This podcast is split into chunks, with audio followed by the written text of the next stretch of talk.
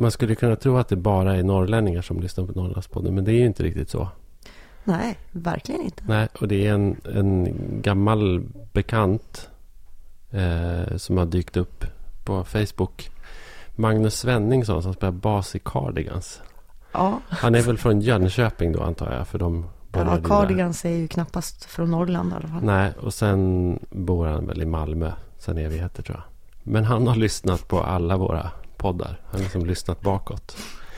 På alla våra 46 avsnitt eller vad det nu är som jag har gjort. Lite bisarrt. Ja, lite. Ja. Hur orkar man kan man känna. Ja. Ja. Men han undrade i alla fall eh, över detta med, med eh, Västernorrland. Varför det heter Västernorrland. Han ville att du skulle svara på det. Västernorrland. Eh, ja, eh, det heter ju Västernorrland av samma anledning som Västerbotten heter Västerbotten. Eh, fastän både Västerbotten och Västernorrland då ligger i östra Sverige. Ja, Men det är ju för att de är väster i relation till Österbotten och Östernorrland i Finland. Alltså som, för Just länge, det. alltså som då hörde till Sverige. Och Österbotten finns ju eh, Mm. kvar. Eh, Mm. Ett landskap i, i, Men i, norra Finland. finns ju inte eftersom det är ett begrepp som kommer från den tiden när Finland var svenskt. Va? Eller hur? Precis, och det är Ja. jättelänge sedan. Men det är fortfarande därför det, det är, alltså våra namn är från tiden då Finland var en del av Sverige. Men vet du då, apropå var vi är nu, att eh, innan dess så kallades ju hela Norrland och tror jag delar av Finland också för Hälsingland. Japp, Ja. Det ju men lite, det, det läste jag någonstans bara häromdagen. Det är lite stort. Mm, tycker du då? Ja. Men det var väl också för att man, var, var inte det innan man hade något begrepp om kartan överhuvudtaget? Att Men, det var bara där no, norr om, men alltså typ, det var ju som att efter, efter nuvarande Hälsingland så, Så var fanns det, ju ingenting. Så, fanns, så var det ju liksom ett sånt löst administrativt område bara. Mm. Och då fanns det väl liksom den lag som gällde för hela den delen av, av Norden. Hette ju Hälsingelagen. Tror jag. men nu pratar vi medeltiden nu eller? Snudd på Ja. tror jag. Ja. Vi får läsa på mer om det här. tror jag. Mm.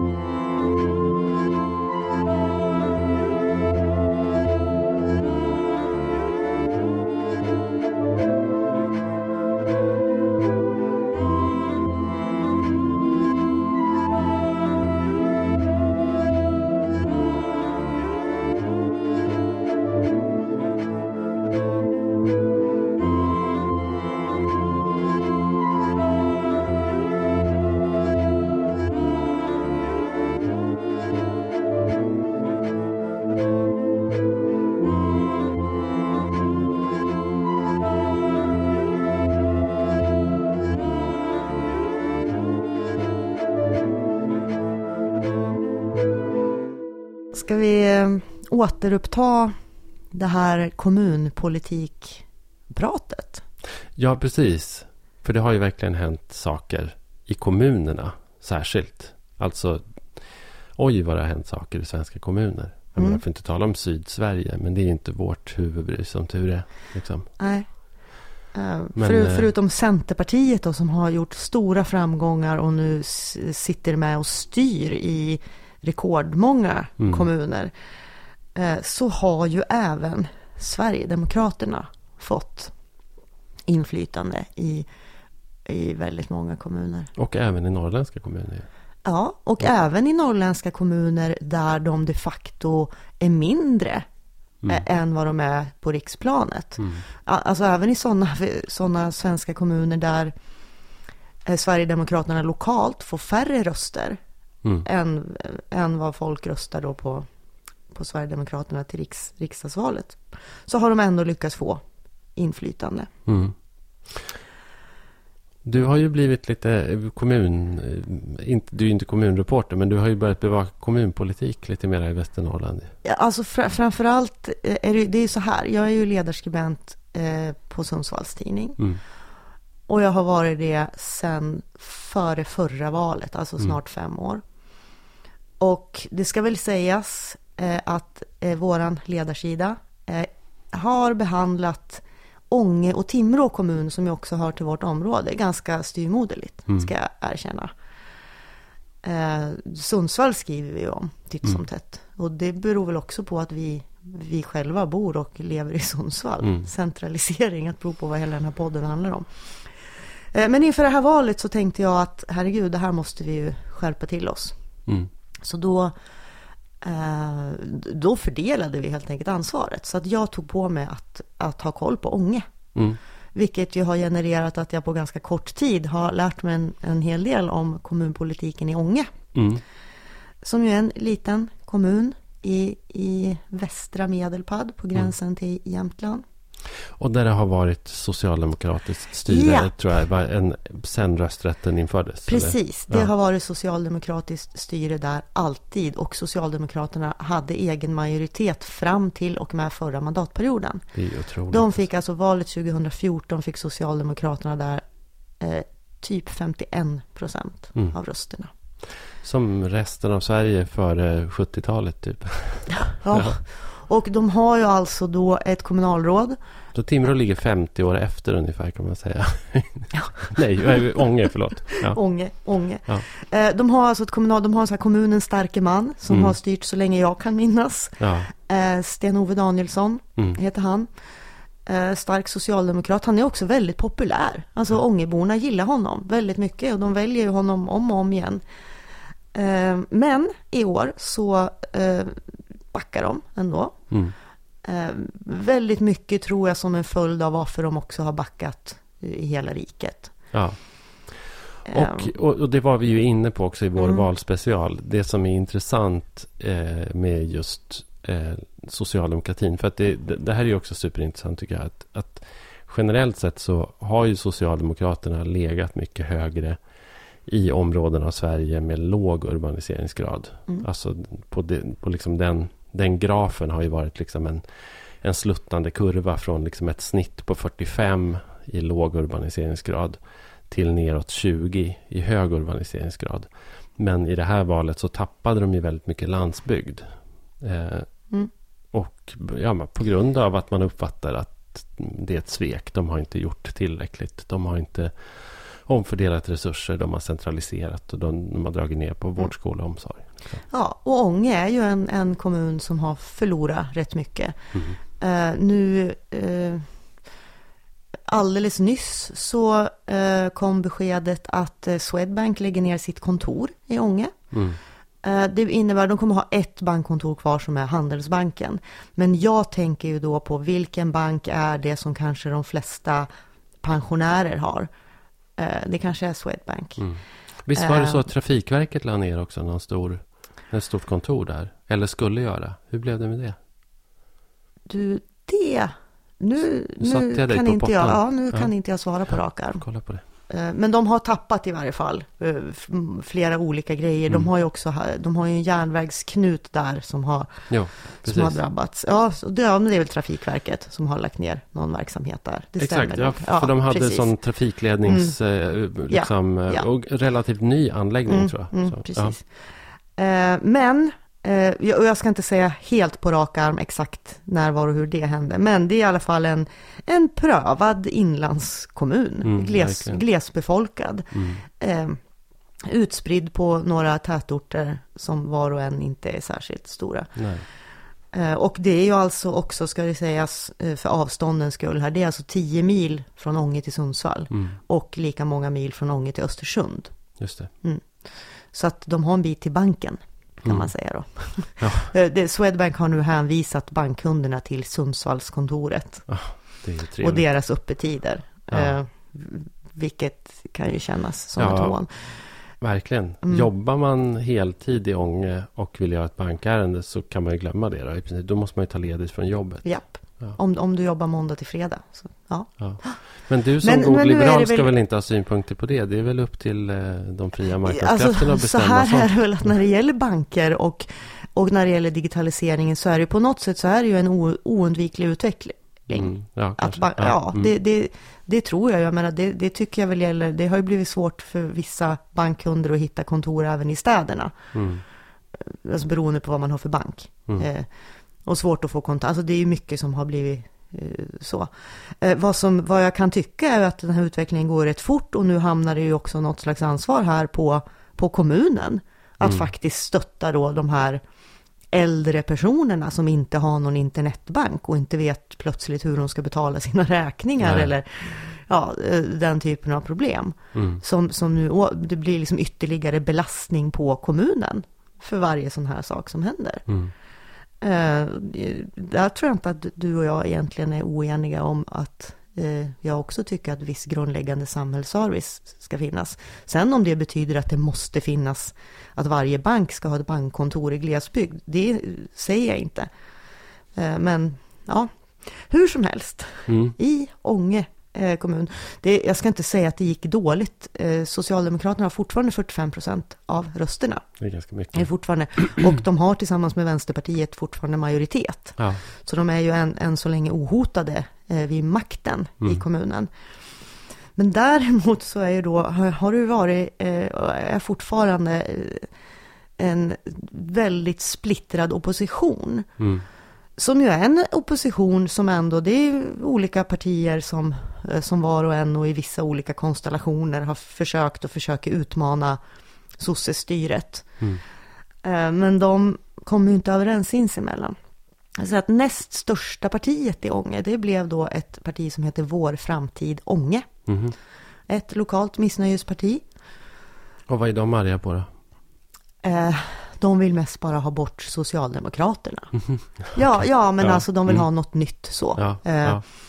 De, de verkar inte jättearga, utan de, de vill ha något nytt i Ånge. Så. Mm. De, har ingen, eh, de har ingen ideologi. De säger själva att de är liksom helt eh, oideologiska. De är pragmatiska och vill göra det bästa för Ånge. Mm. Så. Eh, Men, eh, och det tredje största partiet blev då Sverigedemokraterna. Det var väldigt jämnt ändå mellan Vår Framtid och Sverigedemokraterna. Och en eh, gissning om man tittar på hur Ångeborna röstade i riksdagsvalet så är det att de som röstade på Vår Framtid i Ånge röstade SD i riksdagsvalet. Mm. Och nu så bråkar de ju då om vem som ska bli oppositionsråd. Mhm. Därför att eh, vår framtid tycker jag att de ska få bli det eftersom de är näst, alltså störst efter, efter Socialdemokraterna. Mm. Och alliansen då, som i Ånge består av eh, Moderaterna, eh, KD och Centerpartiet. Mm. Tycker att de ska ha det eftersom de som allians är större än vår framtid. Ja, Ständigt dessa kreativa sätt att räkna på. ja. Mm. Så därför har då vår framtid ingått eh, så här valteknisk samverkan med Mm. Sverigedemokraterna. Aha. För då blir de störst. Mhm. Mm. Eh, och bland annat på senaste kommunfullmäktige när de valde olika poster i, i kommun. De valde bland annat ordförande och vice ordförande till fullmäktige. Så hade man en omröstning om vem som skulle bli andre vice Mm eh, ordförande i fullmäktige. Och då stod det mellan då vår framtidskandidat Sverigedemokraten, en Sverigedemokrat som Aha. alltså vår framtid och Sverigedemokraterna la fram en gemensam kandidat Som var som var Sverigedemokrat. Okej. Mm. Och Alliansen la fram en kristdemokratisk Mm. kandidat till den här posten. Och vem vann? Sverigedemokraten. Jaha. Eh, och det beror, alltså det här, det här är faktiskt delvis en liten skandal. Ja. Därför att eh, den här Sverigedemokraten fick eh, 12 röster. Och Kristdemokraten fick 11 röster. Mm. Men så var det en tolfte röst som hade skrivit rätt efternamn men fel förnamn på Kristdemokraten. Aha. Så den ogiltig förklarades. Eh, men, men därav kan vi dra slutsatsen att det stod lika. Mm. Det var 12 röster på var och en av de här. Mm. Men det som är intressant här är också det att Sverigedemokraterna och Vår Framtid tillsammans är 10 personer. Och Sverigedemokraterna fick 12 röster. Så vilka andra två är det som har röstat på Oh. Sverigedemokraten? Spännande. Och det här innebär ju också att eh, vi vet att eh, majoriteten, alltså Socialdemokraterna eller, eller Vänsterpartiet, har lagt sig i röstningen. De flesta la ner sina röster, men några av dem har röstat. Ja, Och vi vet inte vem som har röstat på vem. nej. Ha. Eh, ja, Ja. Så, så ser det ut i Ånge. Dessutom är det ju här den här Sverigedemokraten som nu är andre vice ordförande och som är då, han är ordförande för Sverigedemokraterna i Ånge kommun. Mm. Han är ju en sån här typisk eh, eh, obehaglig sverigedemokrat som har gjort en massa, han har jämfört genusvetenskap med rasbiologi till Mm. exempel. Mm. Eh, Han lägger upp sådana här bilder där han påstår på sin Facebook där han skriver att Stefan Löfven är landsförrädare. Mm. Skärmigt. Ja, mycket charmig Mm. kille. Mhm. Mm. Alltså det är ju... Eh, såg du det här tv-reportaget på eh, SVT Västerbotten som handlade om Sorsele? Nej, Nej, för att eh, i Sorsele och på andra ställen också, men allra tydligast i Sorsele så, så har ju det märkliga hänt att, att eh, det finns en ganska stor grupp väljare som lokalt har röstat på Vänsterpartiet och i riks röstat på Sverigedemokraterna. Och det borde man ju då tycka att det inte eh, skulle vara förenligt. Det är ju ändå två partier med relativt olika värdegrund skulle man kunna... och Skulle man framför kunna allt anse. tänker jag att de som röstar på Vänsterpartiet är väldigt djupt förankrade i just den värdegrunden. Fast det tror inte jag, för att du får också ta in i beräkningen att det finns en rad, särskilt norrländska kommuner där Vänsterpartiet har varit ett liksom ganska stort mainstream-parti skulle jag säga. Och att det här, det här stigmat då som finns i, i stora delar av, av det övriga samhället kring att rösta på Sverigedemokraterna, eller att rösta på Vänsterpartiet. Det finns ju inte i de här norrländska kommunerna. Det är så Vänsterpartiet och tidigare VPK har ju liksom varit stora och varit med och Mm. styrt under väldigt lång tid. Liksom. Så att det är ju inte... på det sättet så tror inte jag att det är så. Men det, det, det var en intervju också i ett annat sammanhang med en, en politiker som hade hoppat av Vänsterpartiet och blivit Sverigedemokrat. Och som beskrev det på ett roligt sätt. Och han sa att för mig är inte det här eh, liksom... Det här känns inte särskilt nytt eller särskilt främmande överhuvudtaget. Därför att både som vänsterpartist och som sverigedemokrat så måste jag förhålla mig till Socialdemokraterna. Och det tycker jag var... Ja, men det var- måste väl alla göra? Ja, men precis. Men det, så, men det är på något sätt också som att... jag, jag tycker det fanns någonting i det. Eh, liksom just det här, det här såriga förhållandet som, som finns gentemot den starka socialdemokratin. Och särskilt tror jag på mindre orter att det verkligen är liksom det här... De har varit så otroligt maktfullkomliga. Liksom, och att man kan ha problem med det. Men i Sorseles fall så är det ju... Eh, alltså rent krasst så tror jag att det handlar om eh, att det är en personfråga. Att, att det finns ett eh, ganska grundmurat förtroende för de vänsterpartistiska politikerna i Sorsele. Som gör att där röstar man väldigt, kanske i någon mån lite icke-ideologiskt och med förtroende för de personerna. Så tror jag ju ofta att det är Ja. också i, i lokala val. Men på riksplan då så vill man ju då straffa kanske framförallt Socialdemokraterna. Det är ju de man vill straffa. Och då, och då lägger man sin röst då på, på Sverigedemokraterna. Och det handlar ju om det här som vi har pratat om tidigare. Det handlar ju om konsekvenserna av neddragningar och av ojämlik eh, liksom, fördelning eh, och bristande politikproduktion när det gäller landsbygdsfrågor. Jag tror att det handlar jätte, jättemycket om regionala spänningar inom Västerbotten. Att man känner att alla resurser går till Umeå.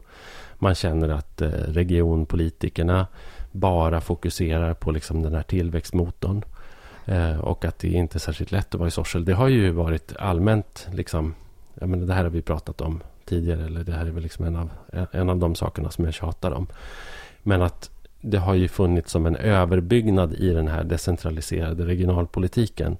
Att om man lägger sina resurser på en tillväxtmotor så gynnar ju det hela regionens utveckling. Och det har ju, har ju varit särskilt sant skulle jag säga. Eller det har ju inte varit sant överhuvudtaget. Men det har varit väldigt upprepat just i eh, Västerbotten. Att det som är bra för Umeå, det är också bra för Sorsele. Liksom. Att om Umeå förmår växa till 200 000 invånare så kommer det att genom magiska trickle-down-effekter gynna Sorsele. Och det som har gått upp för folk allt mer är ju att det där är ju inte sant. Man har haft ett ganska bra tålamod. Liksom. Man har sett de här tillväxtmotorerna växa och växa och växa och de egna resurserna krympa och krympa och krympa. Men nu så känner man kanske att nej men nu når man någon slags smärt, smärtgräns där. Och då är det socialdemokratin man, eh, man vill bestraffa för det. Liksom. Och då eh, är, finns det inget annat sätt som är bättre eh, än att lägga sin röst på Sverigedemokraterna istället. Och det är mm. rätt sjukt skulle jag säga. Sen, men... sen har det ju också spridits det här eh, som jag upplever nu det, om, om vi ska fortsätta i Medelpad. Mm. Så i Timrå kommun så är det ju då Liberalerna av alla som har lyckats splittra då alliansen i Timrå för att istället samarbeta med Sverigedemokraterna och eh, det oh. lokala Timråpartiet. Oj, jaha. De eh, banar väg där. För, de banar väg. Och i de Sundsvall... banar väg för Björklund och Precis. hans kommande... Nej, och, och i Sundsvall så är det ju eh, märkligt nog då Centerpartiet eh, som, som då fortsätter styra tillsammans med Socialdemokraterna och Vänsterpartiet. Mm. Och det trots att det har varit många diskussioner och Liberalerna har erbjudit sig, alltså erbjudit Centerpartiet så här, ja men vi är beredda att sätta oss i det här styret med Socialdemokraterna och er, så kan vi få bort Vänsterpartiet. För vi, både ni och vi är ju liberala partier, så vi borde vilja ha bort Vänsterpartiet. Mm. Men Centerpartiet väljer att, eh, och de har ju haft någon slags möjlighet ändå mm. att, att tycka till här. Ja. Eh, men de har valt att fortsätta samarbeta med Vänsterpartiet. Ja. Så det är också det här med, med, personfrågor på lokal nivå som spelar väldigt, väldigt stor roll. Och så, så är det ju även, även i Ånge. Mm. Så handlar det ju om pers personer och konflikter mellan enskilda individer. Mm. Och det är också så smått, det är få, alltså det är väldigt få personer, det är små Extremt fullmäktige väl, församlingar. Ja, ja, Gud, ja. Folk är släkt med varandra. Liksom, det, det, Vad är det för bild du målar upp nu? Nej, men, ja, men det är ju, nej, så, det är ju så. Absolut, så är det. Mm. Och väldigt mycket starka källor. Jag tänker också nu på, på eh, Jokkmokk, där det ju också eh, är ytterst dramatiskt nu. um, där uh, Henrik Blind eh, Friend of the Pod, som det ja, heter. Ja. Han är ju, eh, eh, leder ju då, eh, eller leder, leder han, är, han företräder ju Miljöpartiet i, i Jokkmokk och har gjort ett, gjort ett bra jobb. Han är ju också liksom en lokal profil. Så, liksom. och, och Miljöpartiet i Jokkmokk har ju fått ett enormt uppsving. Det är ju den enskilda kommunen där eh, Miljöpartiet är störst i, i hela landet. Eh, jag kan rekommendera men, att gå in på... Med viss draghjälp av att Alice Bah Kuhnke har engagerat Verkligen. sig. Verkligen. Och tagit oerhört många selfiebilder med Henrik Blind ja. genom åren. Eller genom, under mandatperioden. Men jag kan rekommendera att gå in på Politologerna, den bloggen. Och där finns det eh, väldigt pedagogiska kartbilder över var i Sverige som eh, partierna har störst stöd. Eh, så det är liksom en kartbild för varje parti där man kan se där de har störst stöd. Och då är det ju, alltså Miljöpartiets karta över Sverige är ju i princip vit. Liksom. Mm. De, de, har inte stort stöd nästan någonstans. Och sen så är det då längst upp så är det den här avlånga stora kommunen Jokkmokk då som är mörkgrön. Och det är liksom den platsen i Sverige där, där Miljöpartiet är som störst. Eh, och Miljöpartiet i Jokkmokk eh, har ju drivit den här frågan om Gallok jättehårt. Eh, och motståndet mot den här nya järnmalmsgruvan då mm. i Jokkmokks kommun. Eh, och eh, det har ju liksom gett dem luft under vingarna. Eh, det finns också ett samiskt parti som är ganska stort. Och Samernas väl. Samernas väl, som är ganska stort. Men det är också många samer som röstar på Miljöpartiet, tror jag, tack vare Henrik och tack vare motståndet mot gruvan. Och sen så finns det ju liksom en liten spridd skura med eh, allianspartier. Och Jokkmokk är ju en kommun som har varit sossestyrd också i all, i all evighet. Och eh, också det som... Jag menar, sossarna i Jokkmokk har ju varit extremt vänligt inställda till den här gruvan. De vill ha den här gruvan mm. till varje pris. Vilket ju vi också har pratat om här i, ja. i podden. Och det är ju egentligen orimligt. Det, det, det ironiska i sammanhanget är ju att, att eh, kommunen beställde en extern eh, utredning som jag tror gjordes av Rambel eller PVC mm. eller något sånt där. Där de tittade då på liksom, eh, samhällsvinsten för Jokkmokks kommun och kom fram till att Jokkmokks kommun tjänar inte på, på den här gruvan. Och, och det, är nog, det är nog alldeles korrekt. De, de gör inte det. De förlorar nog faktiskt. De förlorar jobb i rennäringen, de förlorar jobb i turistnäringen, de förlorar jobb i filmindustri till exempel. Så på lång det, sikt dessutom så... Och på lång sikt är det dumt liksom. Mm. Eh, så, att, så det är helt korrekt. Och det här har ju också gjort att, att liksom stämningen mellan partierna i Jokkmokk tror jag är sårigare än på väldigt många håll. Alltså Henrik Blind eh, och Miljöpartiet och de andra och Samernas väl eh, går inte, liksom, kan knappt vara i samma rum tror jag, som socialdemokratin. Nej. Så nu har då en chans öppnat sig att eh, då eh, genom valteknisk samverkan kicka ut eh, sossarna från makten. Sossarna och Vänsterpartiet då. Eh, problemet där är att man behöver Sverigedemokraternas stöd mm. eh, för att göra det. Eh, och det som de bråkar om nu är ju huruvida det där verkligen är så. Det, det är ju samma diskussion som på riksnivå i princip då. Mm. Att Socialdemokraterna och Vänsterpartiet är ju då arga och kränkta och säger att det var då fan att Miljöpartiet eh, och Samernas väl ska ta stöd av Sverigedemokraterna för att kicka ut oss. Medan då eh, Miljöpartiet å andra sidan hävdar att det är Vänsterpartiets fel att de inte använder sina mandat för att hjälpa den här nya eh, alliansen då med mm. Samernas väl, alliansen och Miljöpartiet till makten. Och att det är deras fel att Sverigedemokraterna blir vågmästare i kommunen. Eh, och, det kan man ju avgöra själv om man kan räkna alltså det på det sättet. Förhåll, alltså det där förhåll, alltså så här, förhållningssättet till Sverigedemokraterna. Ja. Det ser vi ju extremt tydligt. Eh, det spelar ingen roll att alla, alla eh, i riksdagen, partier, säger att vi ska inte samarbeta med SD. Men ute i landet så rör det ju på sig, ja. så att säga. Och eh, jag har ju då eh, hört argumenten i Ånge till exempel. Vår framtid menar, de säger vi sympatiserar inte med dem alls, vi står jättelångt ifrån varann. Men vi tror att vi kan ge mer till Ånge än vad SD kan skälpa Ånge mm. om vi ingår det här samarbetet. Så att det är ju en pragmatisk lösning kanske så. Mm.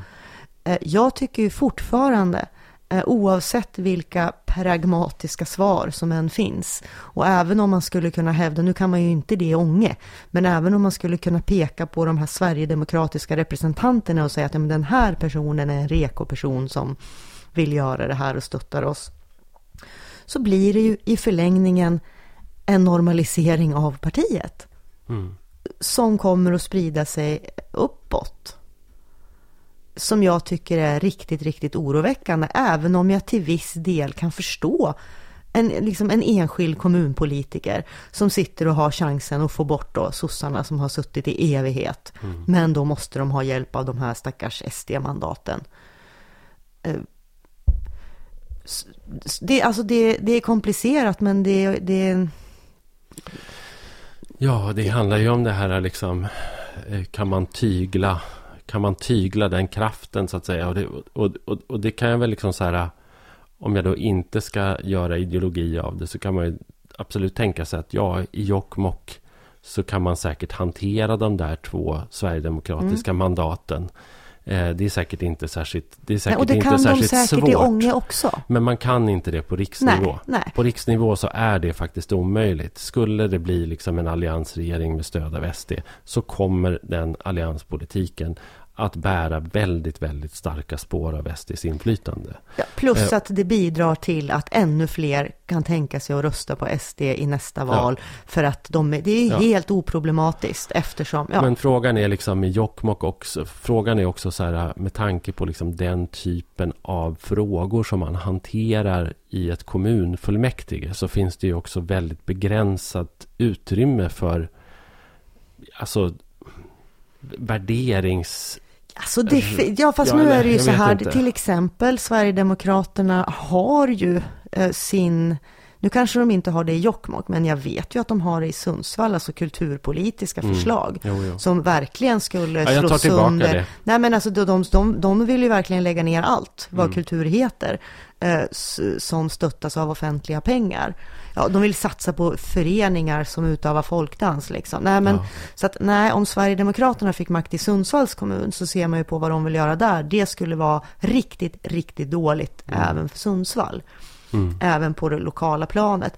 De har ju dessutom, de vill ju lägga ner, alltså när det gäller alltså invandringspolitik, det är inte som att kommunerna är helt maktlösa där.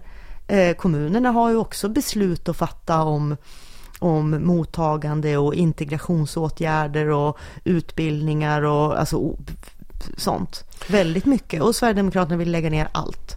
Mm. Eh, Så självklart spelar det roll Ja. om man ger Sverigedemokraterna inflytande i kommunpolitiken. Och jag kan också säga, jag menar nu, jag menar jag, jag är Facebook-vän med, med Henrik Blind. Så jag liksom har ju läst vad han själv skriver om det här. Han vill ju såklart inte ge Sverigedemokraterna inflytande.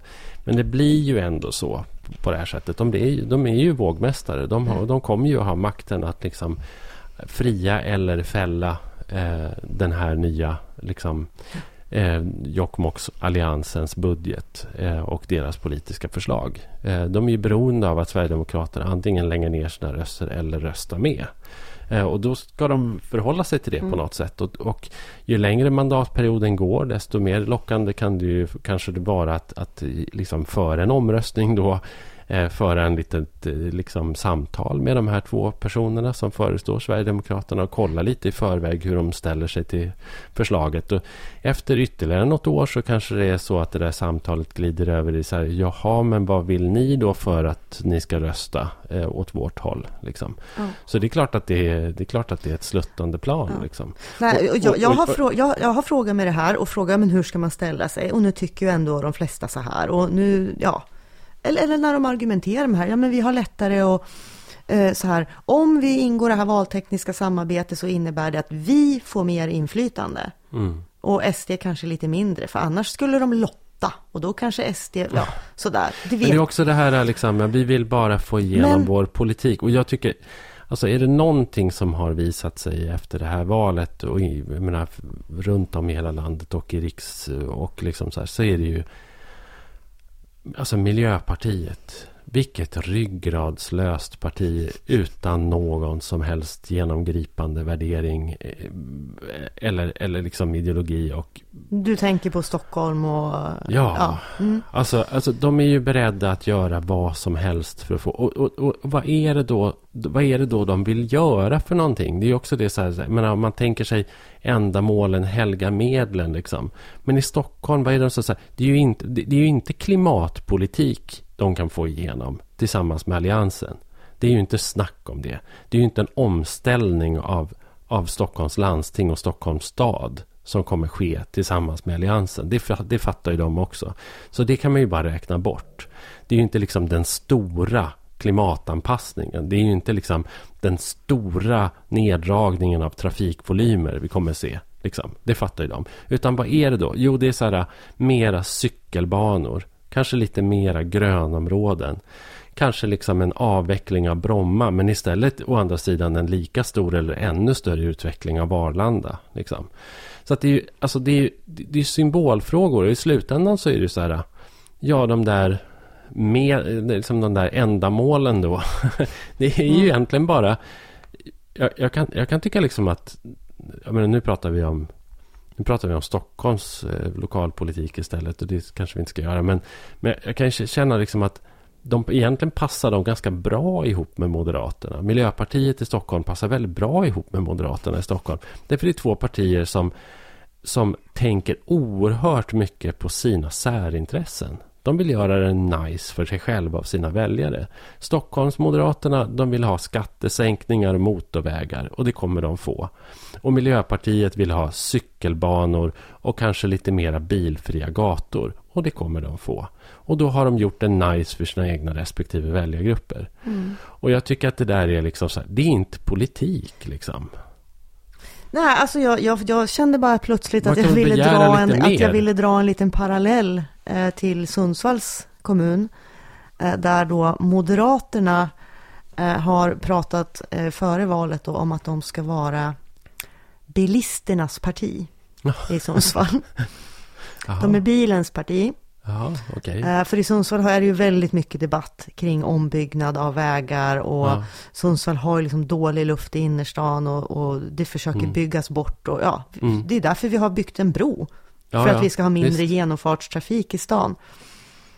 Eh, Men Moderaterna ska ju nu liksom främ, och och det tas bort parkeringsplatser Mm. på grund av byggen och folk blir jätteupprörda. Det här liksom engagerar ju som bara den. Mm. Eh, Och samtidigt då som, som Moderaterna utnämner sig själva till bilisternas parti Mhm. så åker Miljöpartiet ur fullmäktige. Mm. Eh, Så att vi har ju nu, skulle jag vilja påstå, i Fritt fram Sundsvall. för bilen. Ja, faktiskt. Fritt Ja. framför bilen. Det är lite, för att bero på, du, alltså oavsett ryggradslöshet och så här, så skulle jag ändå säga att jag tror att Miljöpartiet kan fylla en funktion. Eh, De kan behövas som en nagel. Och särskilt kanske skulle jag säga att, att i opposition, de behövs som ett oppositionsparti som ifrågasätter och Ja, och kanske Eh, är en- möjligtvis då att, att i opposition så skulle de ju kanske också då kunna vara lite mera, Ja, eh, ha lite mera ryggla, ja men de är ryggrad. bättre i opposition kan vi Ja. väl säga. Men när de kommer till makten så Mm. då, då handlar det jättemycket om att tillgodose liksom Ja. olika särintressen. Men jag jag. skulle ändå ge mycket... Särintresset cyklister i Lyckra liksom. Ja. Det, man kanske inte ska säga så om man inte har röstat på partiet i fråga, men jag skulle ändå ge en del för att få behålla ett miljöparti i Sundsvalls fullmäktige. Mm. Eftersom jag är väldigt provocerad av det här bil, biltänket. Ja. Eh, ja, Går det? När du, när du liksom är va- vanliga dagar i Sundsvall, du, du använder inte bilen? Nej, liksom. nej. Du går eller cyklar? Nej, alltså cyklar jag, jag har en cykel, men det är inte så, alltså jag tycker ofta att det är, Det är lite svårt att tänka dig på cykel. ja, nej men alltså jag, det kanske är för jag, att du inte är miljöpartist. Ja, kanske är det. Nej, men det, är- alltså så här, Sundsvall är ju inte världens bästa cykelstad, ska sägas. Det är backar överallt. Mm. Det är uppförsbackar framför allt. elcykel, det är subvention på det. Mm, det, den är slut. Är De den pengarna är slut. Jaha, Mm. okej, så det blir inget mer? Nej, jag får ingen subvention om jag köper en elcykel. Det är för Nej. sent. Jag är för sent ute. Ja. Eh, Nej, men också är det ju mycket vinter och dåligt väder och sådär. Ja. Jag, jag gillar att promenera. Mm. Sen tar jag väl bilen om jag typ ska storhandla och behöver bagageutrymme och sådär. Mm. Eh, Men i innerstan, eh, nope. Nej. Ja. Sällan. Eh, Ja, du. Alltså sen är det ju lätt för mig att säga som bor så pass centralt så att jag Mm. kan gå Ja. överallt. Och vi, vi kan inte skryta om att vi har en jätteväl fungerande kollektivtrafik i Sundsvall. Inte det heller. Nej, men då driver jag, försöker jag å andra sidan driva opinionen i de här frågorna. För, Ja. för bättre kollektivtrafik och eh, mot bilismen i, i, i Stenstan i alla fall. Mm. Kommer du ihåg den där essän som jag skrev i eh, Arena? Eh, tidningen Arena, när den fanns. Alltså det här var 2014, före valet 2014. Kommer du ihåg den? När rött blir brunt. Det ringer någon klocka. Den ligger på nätet i alla fall. Man kan, Ja. eh, om man kan googla fram den. När Mm. rött blir brunt, Arena. Eh, då hittar man den där. Det är en ganska lång historia. Eh, det var Malena Rydell. Hon, är ju på svenska nu som redaktör. Men hon var redaktör för Arena då och hon beställde den där texten av mig. Och ville att jag liksom skulle titta på Sverigedemokraterna i förhållande till Norrland och Norrlands historia. Och jag gjorde det. Och jag pratade med lite olika statsvetare. Och jag tänkte en del själv och pratade med folk och sådär. Liksom intervjuade faktiskt till och med en, sverigedemokrat. En sverigedemokrat. Är det något man ska vara? Ja, jag, jag kände mig nöjd med det själv. Att, Jaha, jag, att jag ja. faktiskt gjorde det. Ja, men det hade ju varit lätt att låta bli bara. Liksom, när man ändå ägnar sig. Men det är ändå en text som demoniserar Sverigedemokraterna ganska kraftigt. Och, men ja, jag strunt samma. Eh, men i alla fall så. Det här var ju före valet 2014. Och eh, vad jag spekulerade i då var ju liksom hur stora de skulle bli valet 2014. Och då var det en statsvetare som sa där att, att, det, att det, Norrland, det är bara en eftersläpning. Mm. Eh, Men det pratade vi också mycket om i podden då, un, i samband med förra ja, valet. men precis. Mm. Och att eh, det här kommer, det som, det som sker i resten av Sverige, det kommer så småningom ske. Eh, och det har ju skett. Alltså Mm. det här valet kan man ju verkligen se det genom, genomslaget. Att det är, ja, men just Västerbotten till exempel. Att det är hälften av kommunerna så är, är Sverigedemokraterna nu andra största parti till exempel. Mm. Och det är ju, ja, det är ju som en helt Ja, men man ser ju också hur de, hur de i ganska hög grad också har trängt undan andra småpartier. Ja, men, men, det som mm. jag, men det som jag själv skrev där, som jag tycker var kanske liksom det som är eh, en, ändå en, en rimlig spaning i den texten och som jag tycker slog väl ut. Och det var ju också det här att Sverigedemokraterna har ju haft sitt starka fäste i södra Sverige. Och södra Sverige har en helt annan politisk historia och en helt annan liksom, eh, historia när det gäller klass och samhällssammansättning. Alltså de har ju haft gods och herresäten och en överklass och en adel. Eh, och man har förhållit sig ganska mycket politiskt till den här överheten. Liksom.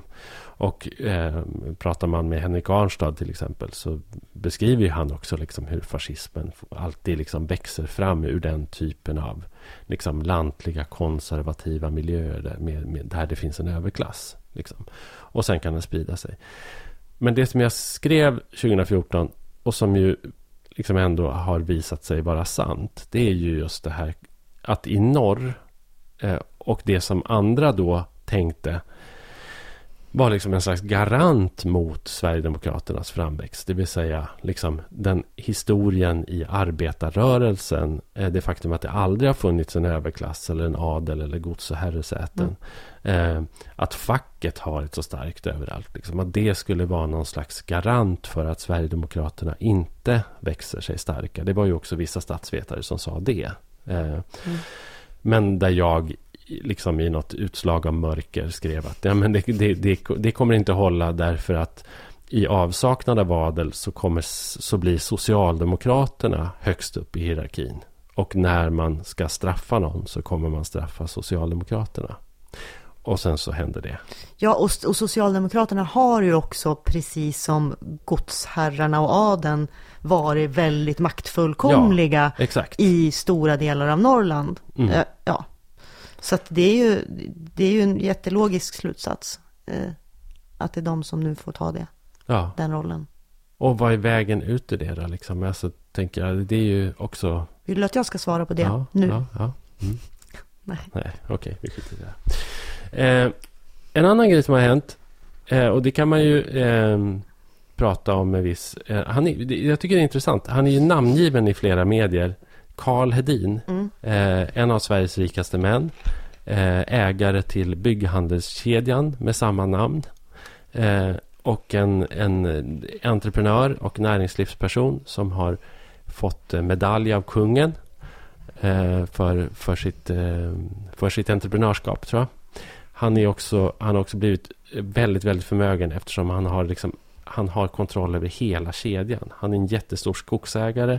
Han äger sågverk och han äger eh, liksom då butiksledet som säljer produkten. Så att han, liksom, han får ju då liksom mervärdet från varje instans så att säga. Tillfaller ju honom. Han, och nu sitter han inlåst. Nu sitter han inlåst för han är också eh, vid sidan av sitt arbete som, som sågverksägare, skogsägare och, och butikskedjeägare så är han också en väldigt hängiven debattör i, i natur eh, och eh, rovdjursfrågor och har skrivit böcker om att eh, den svenska äganderätten är hotad och att svenska staten jagar jägarna. Han har skrivit en bok som heter De jagade jägarna. Han tycker och, alltså att äganderätten av skog innefattar att man får behandla skogen exakt hur man vill och även skjuta alla vilda djur som råkar finnas på ens egen mark. Hårdraget skulle man kunna sammanfatta det I, lite så. I sammanfattning, ja, ja. Lite så. Och vad som har hänt nu är att han då sitter häktad för, eh, för jaktbrott och jakthäleri. Eh, för att eh, åklagaren, det har inte kommit ut så jättemycket detaljer, men åklagaren hävdar att han har ägnat sig åt tjuvjakt på varg, eh, järv och örn. Lodjur. Lodjur kanske mm. var va? Mm. Inte järv. Nej, lo, lodjur. Varg, lo och örn har jag Kungsörn hört. eller havsörn. Ja. ja. Mm. Och det är ju ganska spektakulärt. Örn får man väl överhuvudtaget inte skjuta? Nej. Nej. Jag Nej. menar varg och lo kan man är i alla fall jakttilldelning. I, Exakt. I, men det är det ju inte på örn. Nej, det är det inte. Eh, och det här är spännande tycker jag. För att det är en sån, för att han just efter att man är en sån också profilerad debattör i de här frågorna och som liksom har gått på något sätt längst fram i fackeltågen liksom, eh, mot rovdjurspolitiken. Men han känns ju också som en sån här typisk eh, rik man som står högst upp i någon form av hierarki mm. och som inte kan i sin vildaste fantasi se att han skulle tvingas ta konsekvenser av att göra något fel. Alltså jag skulle vilja jämföra honom, alltså beteendet med så här, ja, men kulturprofilen. Alltså förstår ja, ja. du? Det är, olika, ja, men det är olika mm. hierarkier, det är helt olika områden, men det är män som är vana att liksom få sin vilja fram, att bli liksom hyllade och dyrkade. De behöver inte be om ursäkt för någonting. Eh, de, de straffas aldrig, behöver aldrig ta konsekvenserna. Och jag tror ju att, att eh, han är i djup chock nu, Hedin över att det här faktiskt händer honom. Och jag tror att han, precis som jag tror om kulturprofilen, eh, liksom fortfarande innerst inne tror att men, det här kommer att gå bra. Och han snackar med sina advokater och de ska fixa det här åt honom. Liksom. Mm.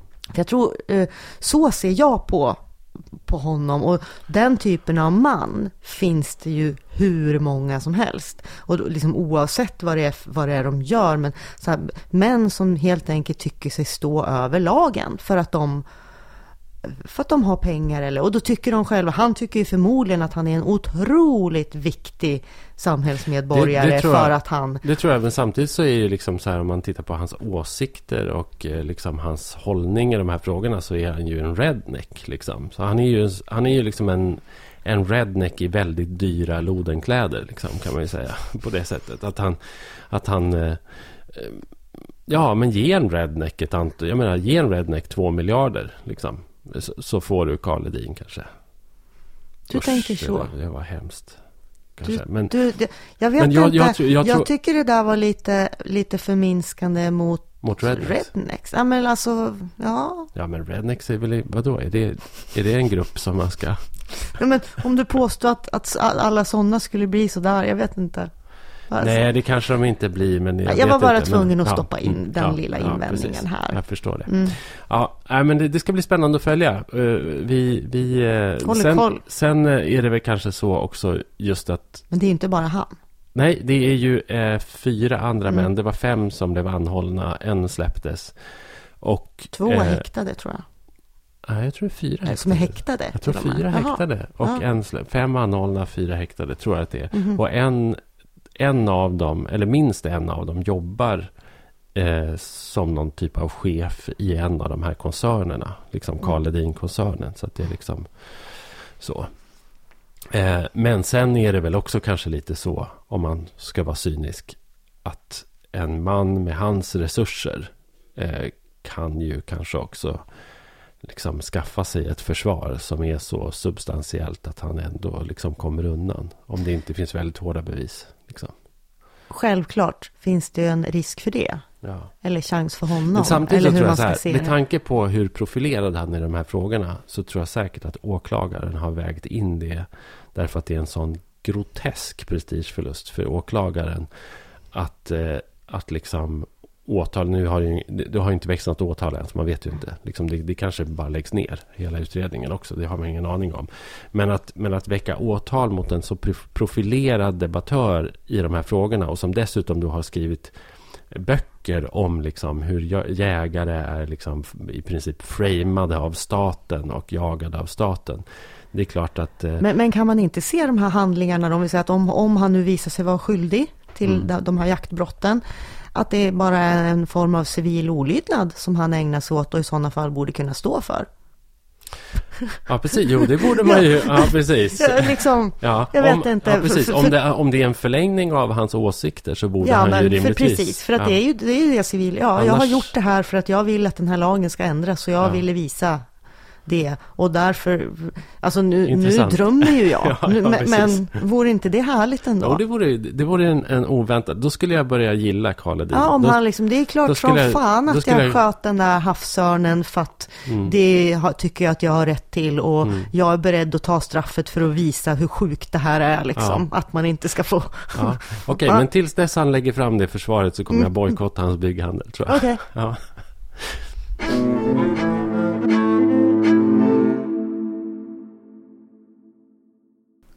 Hörni, vi är, jag och Sofia är jätteglada att ni lyssnar på podden och vill ni stötta oss och vår podd eh, så går det jättebra att göra det genom eh, Patreon. Patreon.com Norrlandspodden. Där kan man gå in och bli donator. Man kan beställ, bestämma själv hur mycket man ska skänka. Och det dras bara pengar när vi publicerar poddar. Så det är eh, soft och bra på det sättet. Eh, och vi blir jätteglada för bidrag. Det blir vi. Ska vi ha lite bokprat, Ja, tänkte jag. Eh, Det har kommit en del böcker eh, som är intressanta för Ja. oss. Eh, Framför allt så delas ju Augustpriset ut i dagarna. Och vi har två Augustprisnominerade böcker. mm, Bland annat en som du har också läst den. mm. Magnus, Magnus. Westerbros Svälten. Han är från Kiruna tror jag. Mhm. Apropå, apropå det. Ja, eh, den här boken, eh, alltså med underrubriken och hungeråren som formade Sverige. Det är ju en helt eh, fantastisk Ja, bok. verkligen. Och det som den handlar om är ju åren 1867 till 69 va? Ja, 67 till 70, alltså 67, 68, 69. Ja. Som var tre på olika sätt riktigt Det var kallt och det var torrt och det var varmt och det var liksom... Regnigt och det var regnigt ja. och det var liksom bara dåligt och allting tog slut och problemen hopade sig och de ackumulerade sig och, och, det, och det gick inget bra och Sverige var i och för sig på väg liksom att bli ett modernt land. Kungen hade mindre makt, vi hade en regering. Men det var väldigt mycket fortfarande liksom av den gamla ideologin som sa att man absolut inte skulle hjälpa fattiga eller svältande för då blev de bortskämda och tappade sin dådkraft och, eh, och blev onyttiga och bara satt och, och bad om mer. Och därför så, och, och i den idén fann man då stöd att, att låta människor svälta ihjäl i Sverige på 1860-talet. Ja, och eh, det var väl också så här att det första året då, eh, som han, han har delat upp den här boken i, i tre delar som handlar om vart och ett av de här åren. Och det första året handlar ju om Norrland, Mm. därför att det var Norrland som, som drabbades Mm. eh, på grund av en otroligt lång vinter som Ja, den sträckte den sig tog in. liksom aldrig Det var slut. typ till midsommar. Ja, längre ändå i Ja. vissa fall. Ja. Nej, men, så att det var väldigt, väldigt kallt väldigt, väldigt länge. Man fick inte ner sådden i jorden helt enkelt. Det var, det var rätt kört. Och det hann inte, det hann inte bli något. Liksom. Och förutom då, alltså, utifrån, alltså att det är en väldigt, jag menar om man överhuvudtaget gillar historieskildringar Mm. och så där så är det ju väldigt ingående, får man en bild av hur folk levde och hade Mm. det i Norrlands inland. Ja, plus på, att, han, plus att jag tycker det, det är alltså flera saker som han har gjort i den här boken som jag tycker är ovanliga och som jag tycker är, är bra. Men framförallt är det ju att han faktiskt också drar slutsatser. Att, att det är så mycket liksom, eh, jag menar mycket historisk litteratur eh, där försätter sig på något sätt författaren i någon slags historiskt nuläge och låter bli att dra paralleller till samtiden. Men den här boken, när man läser den, så är det så otroligt mycket som på något sätt resonerar, liksom, ger en genklang i vår tid. Och Mm. liksom, det är så mycket paralleller och trådar. Det är väldigt mycket paralleller till nutid som Ja. gör så att ja, man blir liksom så här wow, aha, Ja. när man lä- Mm. jag känner så när jag läste Mm. boken på många. Bland annat den här till exempel retoriken som fanns då eftersom det var väldigt många som gav sig ut för att tigga. Mm. Alltså svältande människor Ja. eh, hade inget val. Eh, de skickade ut sina barn Mm. eller gick ut själva och tiggde. Och retoriken man hade då om de här tiggarna är exakt samma som den man hör idag om både om tiggare, alltså romer som kommer hit, och om flyktingar. Eller om, ja, men så här, man ska inte ge dem pengar för då kommer de bara vilja ha mer. Eh, då kommer det bara bli fler, de blir lata, de blir bortskämda, de kommer aldrig att vilja, ja. Eh, Och även hur de behandlades, alltså blev utjagade från byar och ställen. Och, samtidigt som den också berättar om väldigt mycket generositet. Alltså det här, det, det fanns ju parallellt med varandra. Mm. Med människor som faktiskt delar sitt sista bröd med någon eh, främling liksom. För att, ja.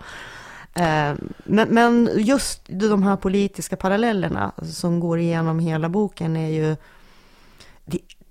de, de kan ju också göra en väldigt, väldigt trött. Och tänka, har vi inte lärt oss något av historien? Blir mänskligheten liksom aldrig klokare?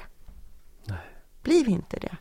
Det går i cykler verkar det som. Och just nu är vi i en cykel där vi rör oss mot dumhet. Ja, för, det, för en annan eh, intressant eh, parallell också, det är det att under svälten i Norrland så åstadkom man till slut ändå en, en rätt massiv nödhjälp. Mm. Den, det var lite sent, för man hade haft de här diskussionerna om huruvida vi verkligen ska hjälpa den här pöben att överleva. Eh, eller om vi ska låta dem dö. Eh, och det blev även, det fick även internationell uppmärksamhet. Alltså den här svälten Ja, just det. i Det Norrland. samlades ju in pengar Ja, det samlades in pengar runt i Europa. Liksom från Ja. USA kom det pengar. Eh, Mm. och eh, så, att, så att i Norrland gick det ändå okej. liksom. Alltså, så. Men, Men men, det också- ja. det som är intressant är ju att åren efter, när det blev svält i södra Sverige, då var det inte en nyhet längre. Så då gick det inte att uppbåda samma eh, vilja att hjälpa hos omgivningen. Samma, så då väntade man ännu längre Mm. med nödhjälpen, vilket ju fick värre konsekvenser Mm. I södra Sverige. Det är också det här, ja men nu är det nytt, nu får Ja, vi veta precis. om en svältkatastrof och svullna magar och oj oj oj, Ja. eller nu har vi en flyktingkris här. Ja, vem bryr sig om Syrien nu, liksom? Ja men precis, de drunknar på Medelhavet, nu samlar vi in pengar och Mm. alla engagerar sig jättemycket. Men två år senare, nej, Fortsätter på samma sätt men ingen tänker på det. För det inte, ja. Nej, man vänjer sig liksom. Eller det, är inte, det, är- det finns helt enkelt inget Nej, det är- nyhetsvärde. Och det är den hemskt. parallellen är också otroligt jobbig, eh, rent personligt tycker jag. Mm. Att se det så tydligt. Ja. Eh, när man också dessutom, som i den här boken, får vi ju facit Mm. av hur det faktiskt påverkas. Det här var alltså de enda åren också i Sveriges historia i modern tid som befolkningen har minskat. Mm. Som berodde då dels på att folk svalt ihjäl, eller de flesta dog i sjukdomar Mm. av svälten. Men, men folk svalt ihjäl eller dog av sjukdomar. Folk födde färre barn. Mm. Eh, och folk började emigrera. Ja, det var ju det som var liksom startskottet på... Så att av de, de sam, sammanvägda orsakerna så minskade befolkningen i Sverige. Och Mm. det har inte hänt varken förr eller senare sedan vi började räkna. Liksom. Jag tänkte också på, jag läste en, en beskrivning där av vad man tvingades äta. Det är ju också Mm. väldigt mycket sånt liksom. Mm. Och det är ju helt fruktansvärt liksom. Det är ju väldigt mycket baka på ren lav och på barkmjöl och på liksom, man käkade ju, man, man, alltså i Det är slutändan. liksom hur man kokar stövlar liksom. Och koka stövlar. Och, och då eh, kom jag ihåg och liksom skämdes lite. För jag var ju gäst i, i Historieätarna. i Historieätarna. Och då var det ju just så här. Erik och Lotta skulle ju då vara skogsarbetare under hungeråren i Norrland. Och eh, det som jag blev bjuden på var ju svältkost. Det var ju faktiskt då eh, kokt kohud. Mm. Eh, och ett bröd som var bakat på någon typ av lav. Och som vi då skulle liksom äta tillsammans med någon hembränd sprit som smakade finkel. Och det där var ju autentiskt framställt. Liksom. Och jag satt ju och, vi satt ju och garvade åt det där. Liksom, Mm. Under inspelningen såklart. Vad annars skulle man göra? Men när man läser den här boken och förstår att människor faktiskt... Att detta var på riktigt för 150 år, för 150 år sedan. Människors verkliga föda under flera vintrar. Så är ju det liksom helt... Eh, alltså det är helt surrealistiskt. Jag, jag kan ju återkalla smaken av det där. Och att tänka sig att bara, vara hän, bara vara hänvisad till det. Och när det var slut så kokade man sina kängor, sina snörkängor Mm. liksom, så att käran skulle försvinna ur lädret. Och sen åt man det där. Och man kokade om och om och om, och om igen liksom, för att få ur tjäran. Och ändå brände det i halsen av tjäran Ja. efteråt. Det beskrivs också hur man när djuren dör, man sparar benen och gör benmjöl Mm. av djurens skelett för att blanda ut med, Mm. med saker. Så här. Allting som kunde innehålla någon typ av näring. Liksom. Men Det- däremot, det är också det, det sjuka liksom att, att... eh, Men det var ju vissa saker som man inte åt ändå. Alltså man, ja, man åt ju- svamp! man åt ju inte svamp. Och Så det är det- hårdnackat liksom. Alltså fastän man verkligen... Var, man kunde knappt gå för att man var så matt liksom. Och där stod de fina kantarellerna och sopparna. Och nej, nej, Nej, och, det, och jag, blir, liksom. jag blir så väldigt provocerad när jag läser boken, när jag inser hur mycket faktiskt mat som kanske var bättre än lav, som Ja. de hade kunnat äta. Nej, och det käkar Alltså, inte häst heller till exempel. Sen förstår jag ju, alltså jag menar, de, åt ju inte svamp helt enkelt för att det var ju föda man gav åt grisarna eller liksom Ja, det var kor, som kor. åt det. Ja, kor. ja. Ja, ja. Eh, Jag kan säga att när jag var liten så gavs det till grisarna. Mm. Så i min släkt åt ju vi inte svamp heller, av samma skäl som i den här boken på riktigt. Men, men att man helt enkelt inte fattade att, att det var människoföda om man var därför skeptisk. Mm. Men, men då kan jag tänka, om man kunde tänka sig att äta mossa och gamla kängor, Mm. Ja, så vad var problemet Ja. ändå med att liksom Ja. plocka en svamp? Det är intressant. Det visar ju också hur stark liksom, En annan är. sak jag tänkte på som inte nämns med ett ord, men som jag tycker borde, kanske i Norrland också vara, det är ju liksom granbarr. Mm. Till, alltså Granskott, och så. granskott, ja, Ja, men, men det tror, det tror jag att man använder sig men det av. nämns inte. Och Nej. det, det, det är Ja, liksom, ja, ja, det är sånt där jag tänker som ändå Det tror jag måste man vara... använder, åtminstone som smaksättning och sådär. så tror jag att man... ja, jag tänker man borde kunna koka soppa på granskott lika väl som av en gammal Mm. känga. Liksom. Jo, jo. Men ja, men jag vet inte. Men Magnus Westerbro, Svälten. Ja. Eh, jättefin bok. Eh, även, även bra som... Jag har läst stora delar av den och lyssnat på en del som, som ljudbok. Eh, inläst av Thomas Bolme.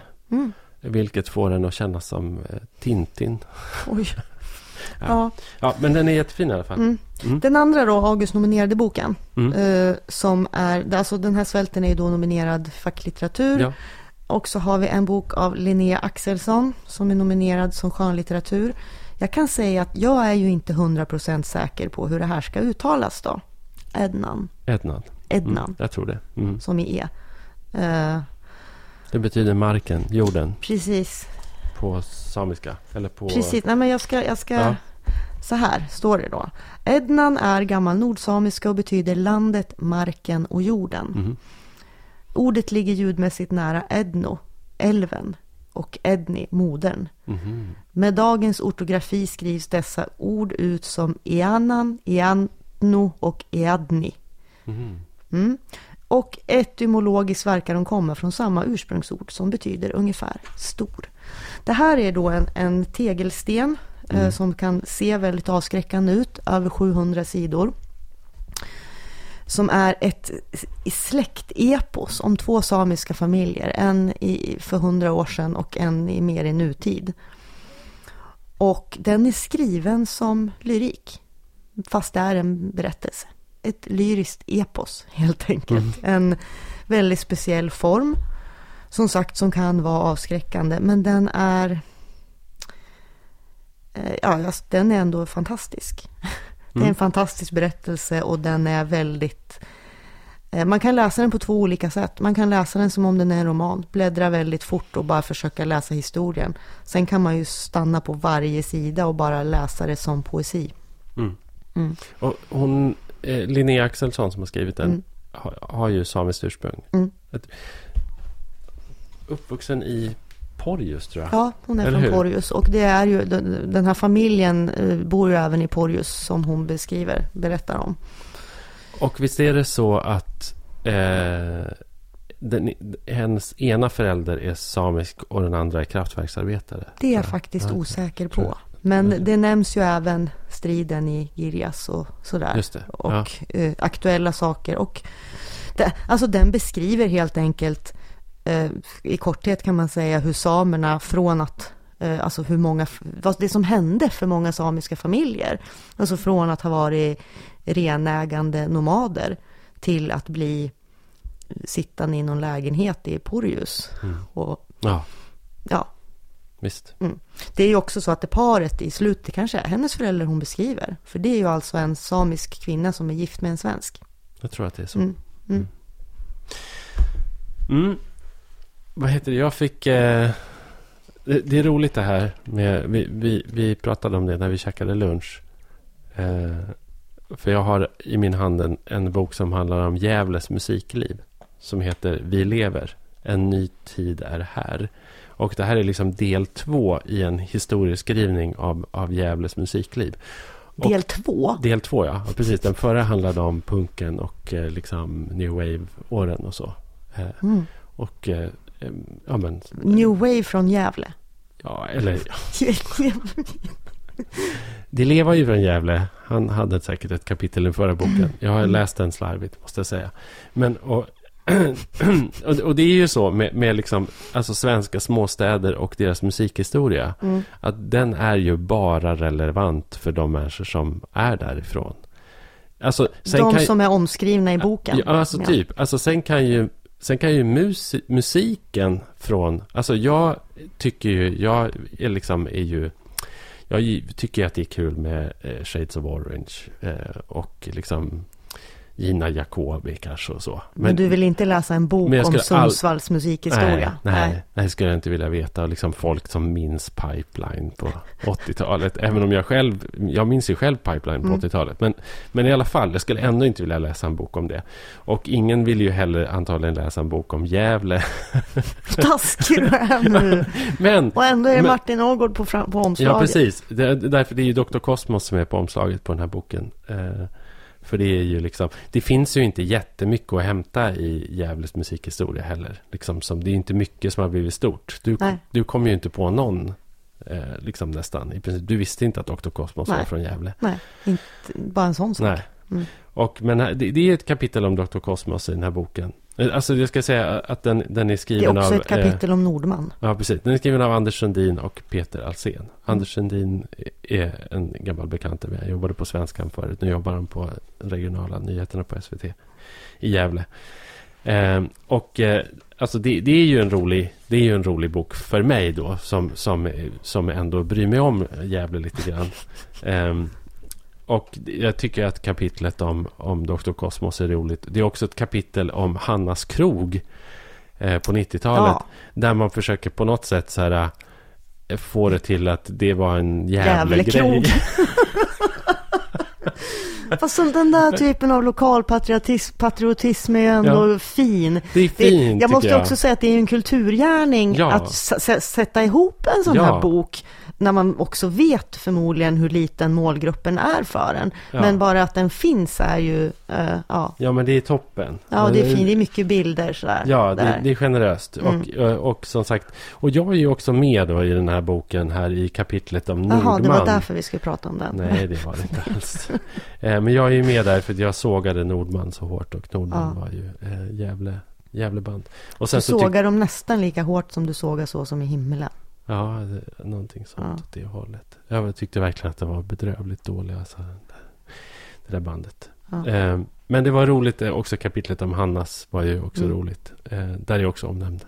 Mm. Så, så var det sagt. Det var ju bara därför vi pratade om boken. nej, men jag kan, Ja. nej, men vi kan gärna prata om... Vi har ju pratat också om, om eh, liksom musik från Sundsvall Ja, och, och- så. Vi har ju Norrlandskusten. ja, precis fördjupat oss Mm. i det. Och Gävle hör ju ändå, vad, vad, de än tycker själva så hör de ju ändå till Norrland. Så det, så det är ju ändå så.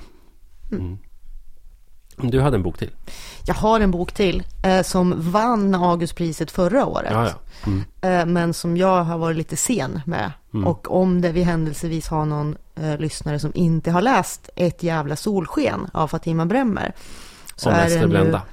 Precis, om Ester Blenda Nordström. Och den är ju, dels är den ju fantastisk som eh, läsning om en Mm. journalistpionjär, kvinna som liksom wallraffade innan någon visste vad det var och sådär.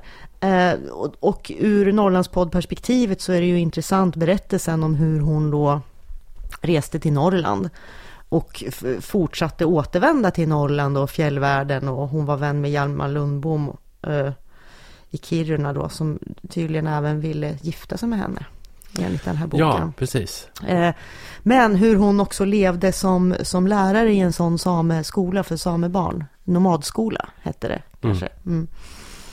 Och eh, sen då skrev en bok som, som ändå trots att hon hade verkligen levt, alltså gått igenom en massa umbäranden i kyla och snö och byggt mm. kåtor och frusit och sådär fortfarande har ett, ett kolonialt perspektiv. Eh, det är verkligen vi och dem. Mm. Eh, det känns ju inte som att hon bygger några nära personliga relationer till de här samerna som hon ändå lever med sida vid sida. Utan, utan allting handlar ju ändå om henne. Hon är ju övre, överklass. Mm. Eh, och det lyser igenom. Men det är, det är en mycket, mycket välskriven, intressant och bra bok. Mm. Hon är också en fin kvinnlig förebild ändå, liksom som, yrkes, som yrkesperson. Mm, verkligen. Mm. Ja, och det är en rörande historia. Mm. Det är ju ett rörande människoöde. Mm, verkligen. Eh, gillar du Dr. Cosmos? Alltså, på... Eller är det för mycket vänster för dig? Nej, men alltså jag, jo, men gill, det är inte som att jag brukar lyssna på deras album från början till slut. Men jag gillar väl lå, enstaka låtar med Dr. Cosmos. Mm. Ja. Ska vi sluta med en låt? Det tycker jag absolut. Om Gävle? Mm. Ja, vi gör det. Okay.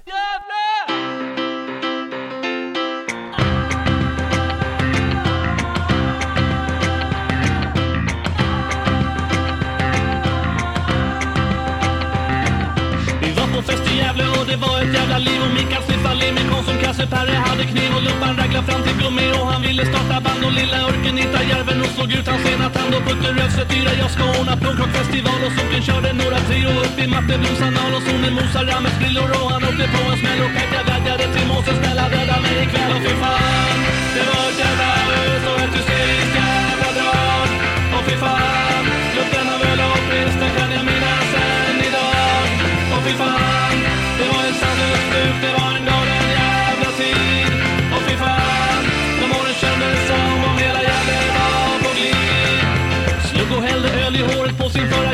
var JP och han ville sälja någonting till mig. Och där var Muttis, där var Rockis, där var Sesson, där var Gesson, där var Fritte, där var frukten skit i han, han bara är sån och det leva Sippa tillslut till sin syrra syra, stoppservis och trötta säker låg i soffan stenad som en liten gris. Och i ett hörn satt jag och kände mig som århundradets fjant och tänkte herregud vad sjukt det här kan inte vara sant. Och fy fan Det var ett jävla ös och ett hysteriskt jävla drag. Och fy fan, lukten av